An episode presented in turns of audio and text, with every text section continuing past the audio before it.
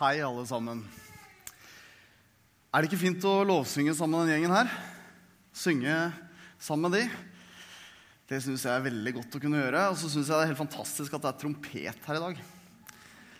Altså, min store drøm, holdt jeg på å si, altså, da jeg var liten den, jeg kjenner, den, den, drømmen kan egentlig finnes der fortsatt. Det var å spille trompet. Det blei med ett år på kornett i fjerde klasse. Og det var kanskje ikke helt sånn det var, det var, ikke det samme som det vi hørte akkurat nå. Ja, det kan man trygt si. Yes, Vi er i ferd med å angripe en taleserie som skal gå over ni helger, hvor vi fokuserer på visjonen til Misjonssalen elske, vitne, vokse. Og i dag er det elsk hverandre. Vi har lagt bak oss fire søndager hvor vi har snakka om Guds hjerte Guds hjerte for oss, Jesu hjerte for oss. Nå skal vi snakke om elsk hverandre. Da håper jeg dere er klare for det. Vi skal begynne med å lese noen tekster. Her var det mye mikrofoner og sånn. Altså. Det er kanskje ikke så rart. Eh, vi begynner i Johannes 13. Det kommer noe på skjermen for dere òg.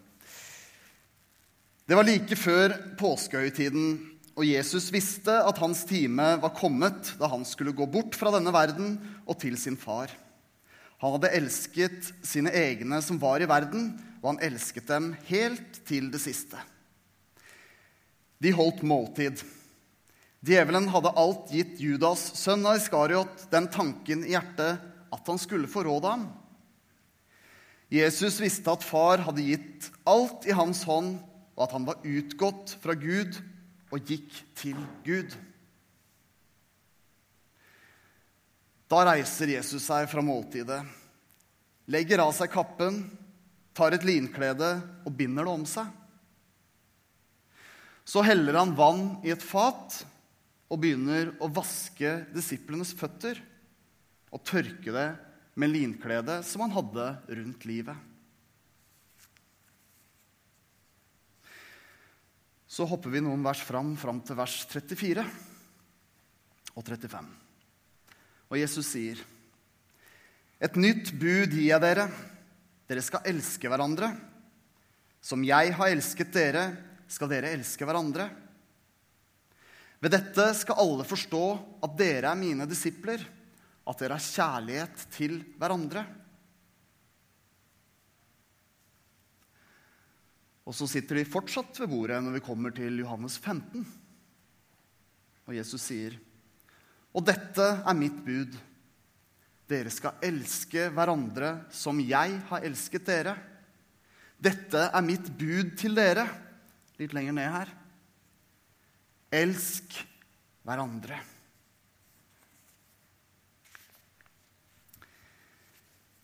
En mann var syk og lå på sykehuset. Legen tok ektefellen til side og fortalte at mannen hennes var alvorlig syk. Livet kunne imidlertid være til å redde, men det kom til å være veldig avhengig av henne. Mannen din vil trenge en helt spesiell diett, og du må lage mat til han tre ganger om dagen, og det må være liksom denne dietten. I tillegg så er han helt avhengig av at det er reint rundt han hele tiden. Nesten sterilt. Det må vaskes hver eneste dag. Kvinnen gikk ut igjen til mannen sin, og han spurte selvfølgelig hva sa legen. Hvor alvorlig er det? Og kvinnen svarte, du kommer til å dø.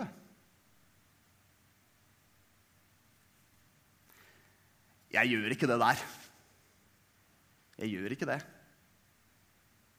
Det der, det gjør jeg ikke.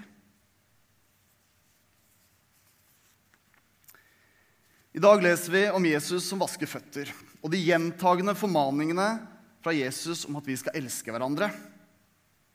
Litt kontekst. Dette er jo i påsken.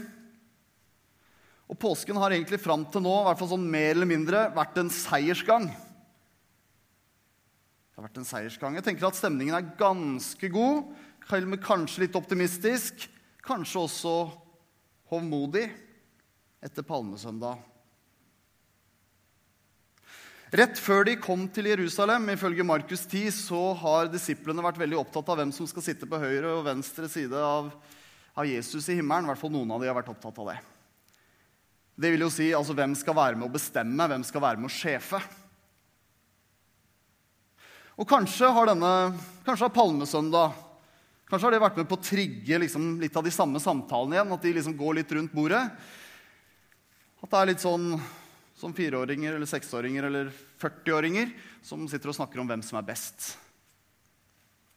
Kanskje sier Johannes ja, men det er jo jeg som er den viktigste her.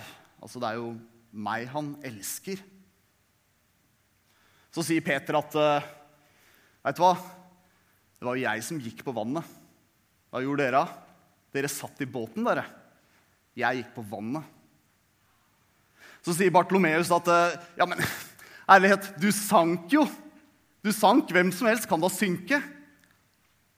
Så svarer Peter at du, Bartolo, når denne fortellingen her kommer til å bli fortalt i misjonssalen om 2000 år, så kommer folk til å sitte og klø seg i huet og tenke var det egentlig en disippel som het Bartolomeus? Så sitter Jesus der. Så sitter Jesus der. Så ser han rundt seg.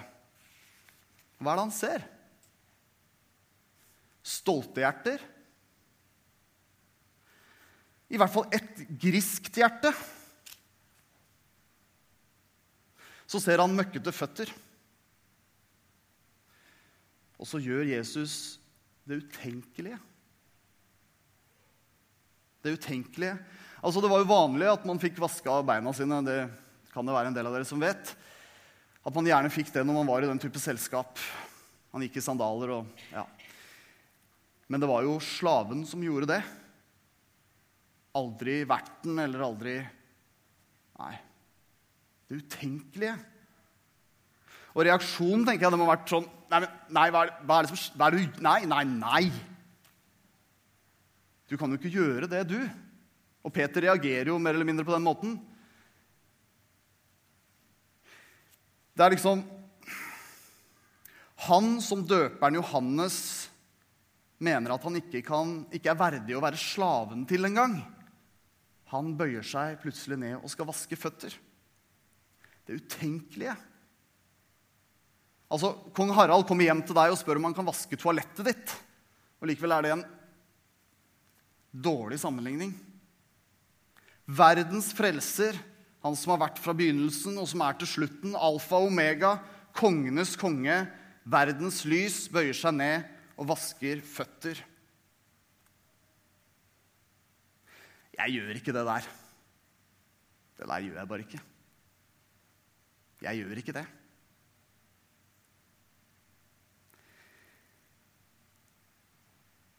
Jesus sier 'elsk hverandre'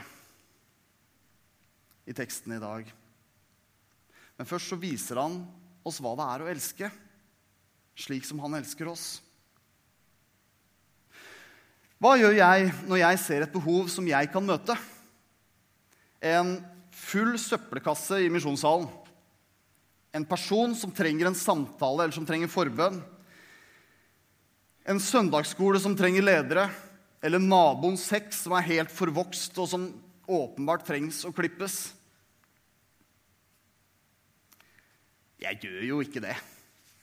Jeg gjør ikke det. Det gjør jeg ikke. Jeg har ikke tid. Jeg er for viktig. Jeg er for travel. Jeg er pastor. Eller jeg er lovsangsleder. Jeg er viktig. Og jeg er i hvert fall ikke den barmhjertige samaritan. Eller kan jeg be når jeg ser et behov som jeg kan møte? Er det et oppdrag fra deg som du har for meg? Kan jeg be om å få øye, øyne som ser, ører som hører, og et hjerte som bryr seg? Sånn at når jeg ser den søppelbøtta, så tenker jeg i stedet Jeg kan gjøre det. I dag er jeg søppeltømmer. Eller når jeg ser en som trenger en samtale. Jeg kan gjøre det. I dag er jeg en som lytter. Eller behov på søndagsskolen. I dag er jeg verdens beste søndagsskolelærer. Naboens hekk. Jeg kan gjøre det. I dag er jeg hekkeklipper. Og så kan det hende da at jeg til og med kan vaske føtter. Kanskje særlig hvis jeg tar med denne her, som kan skal vi se, Her er kamera. Hvis jeg gjør sånn, og så sørger for at jeg ikke filmer opp i taket, men filmer faktisk på det jeg driver med her, så kan jeg jo faktisk også dele det etterpå. Ja.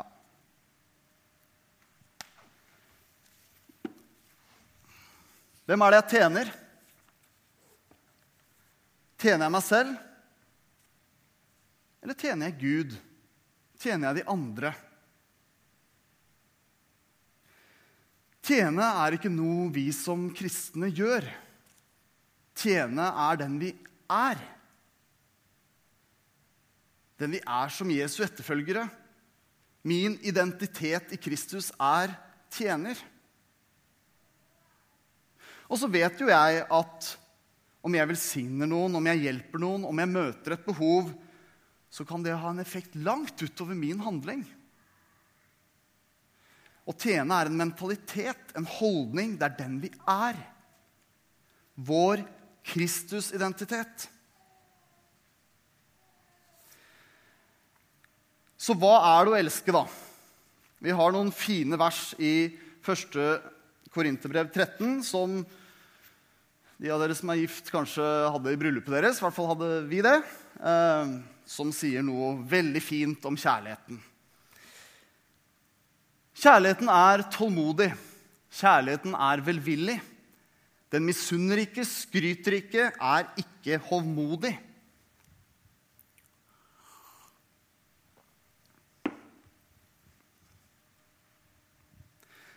Din skråsikre, skråsikre og høylytte argumentasjon i møte med de store spørsmålene, i møte med teologien er den hovmodig, eller er den tålmodig? Om jeg er skeptisk, tilbakeholden, kanskje rett ut negativ til andres trosuttrykk eller lovsangstil, er jeg da velvillig? Kjærligheten krenker ikke, søker ikke sitt eget, er ikke oppfarende og gjemmer ikke på det onde. Om du eller jeg er oppfarende, irritabel, og mennesker må behandle deg med silkehansker og passe på hva de sier til deg, da veit du ikke hva denne kjærligheten som Gud snakker om, er for noe.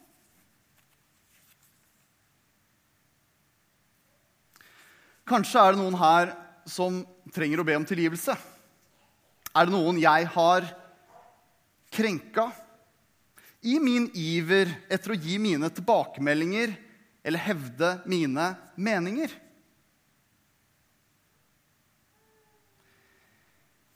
Jeg gjør ikke det. Det gjør jeg bare ikke. Jeg gjør ikke det. Eller jo, jeg kan gjøre det. For i dag så er jeg en ydmyk Jesus-etterfølger. Kjærligheten gleder seg ikke over urett, men har sin glede i sannheten. Denne kjærligheten er aldri glad når noen faller. Men hvordan tenker vi? F.eks. om de vi ikke liker så veldig godt. Tenker vi noen ganger 'det var det jeg visste', eller 'det går jo sånn når du tar sånne valg', eller, eller kanskje til og med 'dette er jo min mulighet til å få plass til å skinne', eller til å ta et eller annet steg på en eller annen stige?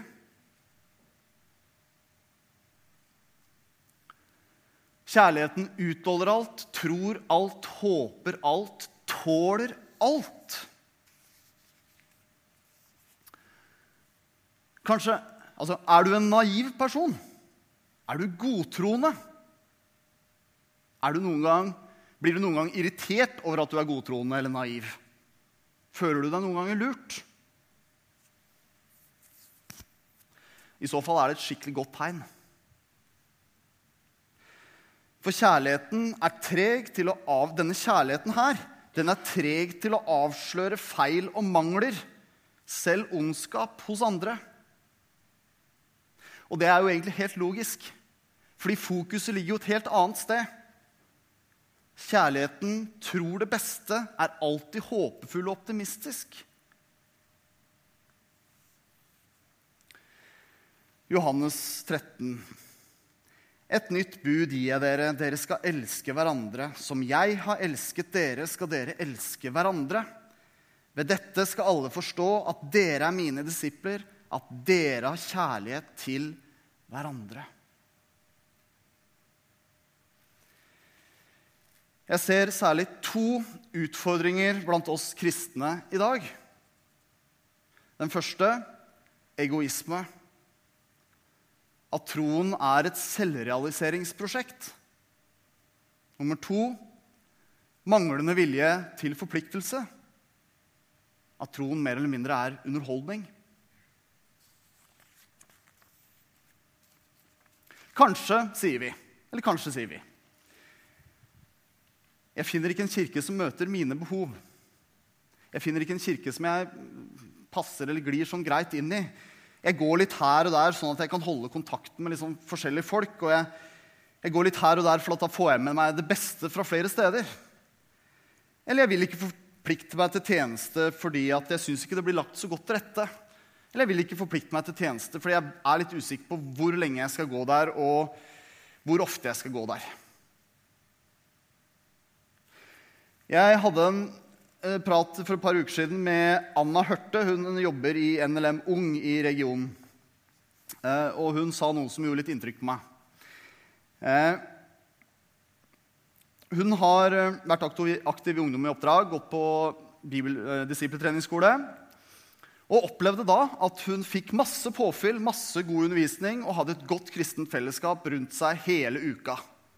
Og Derfor så sa hun ved noen anledninger at jeg trenger ikke gå på gudstjeneste på lørdag eller søndag, fordi at uh, jeg har dette hele resten av uka.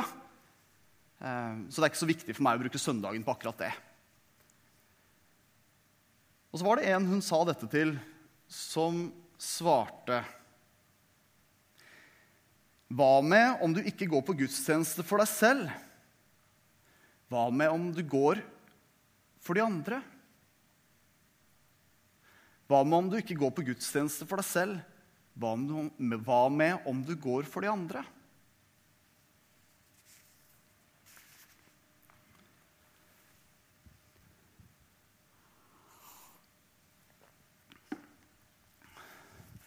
Vi er ikke spirituelle consumers. Vi er spirituelle bidragsytere. Vi spør ikke om den og den kirka kan dekke mine behov. Vi finner oss en menighet fordi vi er kirken og finnes for verden. Vi trenger ikke en kirke som møter våre behov. Vi er kirken og møter andres behov. Vi er Jesu kropp. Om du ikke tjener, er det noe som ikke blir gjort. Når du tjener, så forvandler Gud liv. Og kanskje de fleste av gangene så er det første livet som blir forvandla, det er ditt. Du kan lytte, du kan be for folk, du kan ordne praktiske ting. Du kan undervise på søndagsskolen eller andre steder. Du kan steke vafler. Eller kanskje Gud utfordrer deg til å be. Altså, Du trodde at du var en lærer eller sykepleier, men egentlig så er du en bønnesuperagent. Plassert av Gud akkurat der du er.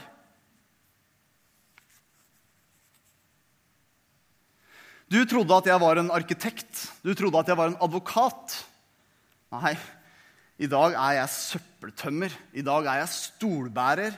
I dag er jeg søndagsskolelærer. Til Guds ære. Å tjene er den jeg er, ikke bare noe jeg gjør. Vi hadde tjenesteaksjon her i Misjonssalen for to uker siden. Ja, to uker siden. Og nå tror du kanskje at dette er, måte, er del to av den. Det er det ikke. Ikke i det hele tatt. Dette handler om hvordan ditt liv kan bli forvandla fordi at du ser utover deg sjøl. Vil du ha et bedre ekteskap, tjen din ektefelle. Vil du ha bedre vennskap? Tjen dine venner. Vil du forvandle klassen din, arbeidsplassen din, blokka di, nabolaget ditt? Tjen menneskene der. Vil du forvandle menigheten din? Tjen menigheten din. Vil du forvandle ditt forhold til Gud? Tjen Gud. Gjør hans arbeid. Be hva kan jeg gjøre for deg, Gud? Jesus kom ikke for at andre skulle tjene han, men for å tjene andre. Dere skal elske hverandre som jeg har elsket dere.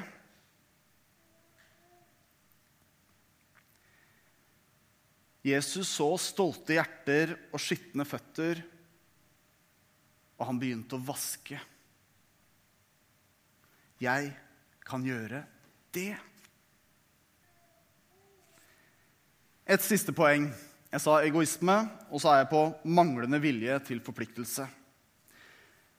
Hvis vi skal elske hverandre, tjene hverandre, så krever det tilstedeværelse. Vi kan lese faktisk også i Hebreerne 10. Og la oss ikke holde oss borte når menigheten vår samles som noen har for vane. La oss heller oppmuntre hverandre, og det så mye mer som dere ser at dagen nærmer seg. Vi snakker gjerne om i dag at uh, det, er et, uh, det, er en, det, er et, problem med uh, å binde seg til ting. Altså maybe attending-kultur, eller frykt for å, frykten for å gå glipp av noe som gjør at man liksom ikke vil binde seg til noe. Tydeligvis er ikke dette et helt nytt problem, som da Paulus påpeker. Tilstedeværelse betyr noe. Jeg kan si at ja, jeg, nei, jeg skal be for deg. Og så tar jeg det med meg en eller annen gang, og så går jeg videre. Eller jeg går videre, og så tar jeg med meg, og så kanskje jeg gjør det på et eller annet tidspunkt. Det er noe annet om jeg setter meg ned og ber med deg. Det går an å chatte på datamaskin. Det er noe annet å sitte i samme rom og ha en samtale. Det går, rundt, det går an å gå rundt og tenke litt på hvordan, hvordan jeg skal elske mennesker i menigheten min eller i byen min eller i nabolaget mitt.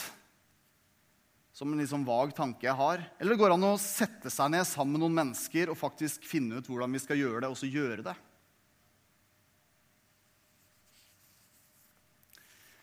tilstedeværelse betyr noe.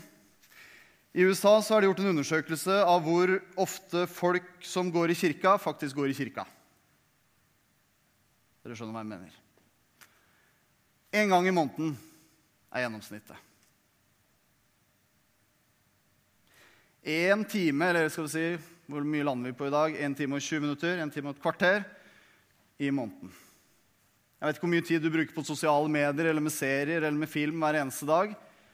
Kanskje mer enn 1 time og 15 minutter. Jeg veit ikke helt hva jeg skal gjøre med det, hvis det er sånn det er hos oss. Det er det kanskje ikke. Det tror ikke jeg det er. Men hvis det er det, så veit ikke jeg helt hva jeg skal gjøre med det. Jeg veit ikke hvordan vi som menighet skal være med og forvandle livet ditt hvis du er her, hvis er her 1 time og 15 minutter i måneden. Gud kan selvfølgelig forvandle livet ditt, men hvordan vi som menighet skal være med i det, det, det vet jeg ikke. Og det er klart, vi er travle. Det er jo ikke det. Det er jo ikke det at det ikke er nok andre ting man kan gjøre, som også kan være viktig og spennende og alt det her. Men vi må jo prioritere. Vil vi ha det beste, så må vi prioritere det beste. Hvem er Jesus for meg? Hva er troen for meg? Vi har jo Alle talene her i misjonssalen blir jo lagt ut uh, som podkast. Veldig bra. Hvis man ikke får vært her en helg, så kan man høre på det. Men kirke er jo noe mer enn en podkast.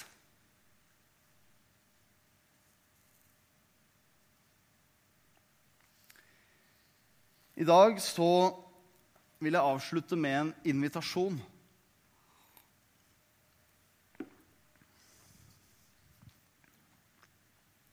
Det kan jo være noen her som er her for første gang eller nesten for første gang. Selv om kanskje ikke det er de fleste av dere. Hvis du har kommet hit og vil ha et hjem, så kan du komme hit.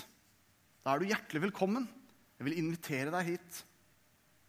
Hvis du har gått her kanskje noen ganger, eller kanskje du har gått her ganske lenge, men fortsatt opplever at du er gjest her hver gang du kommer, så vil jeg invitere deg til å flytte inn. Til å ha dette som hjem. Et åndelig hjem. Være en del av denne familien. Være misjonssalen. Det er plass til deg her. Det er plass til alle her. Kom med din tilstedeværelse inn i denne familien hvor vi elsker hverandre og vi tjener hverandre. Og dette er mitt bud. Dere skal elske hverandre som jeg har elsket dere. Jeg kan gjøre det, og du kan gjøre det ved Den hellige ånd. Vi ber.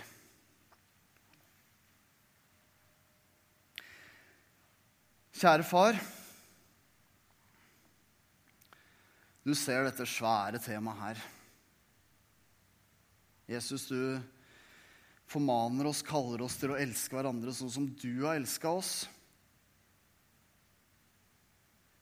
Det kan føles som et fjell å bestige det. Vi ber om at du må komme med din Hellige Ånds kraft. At du må bo i oss. Så vi kan elske hverandre, tjene hverandre.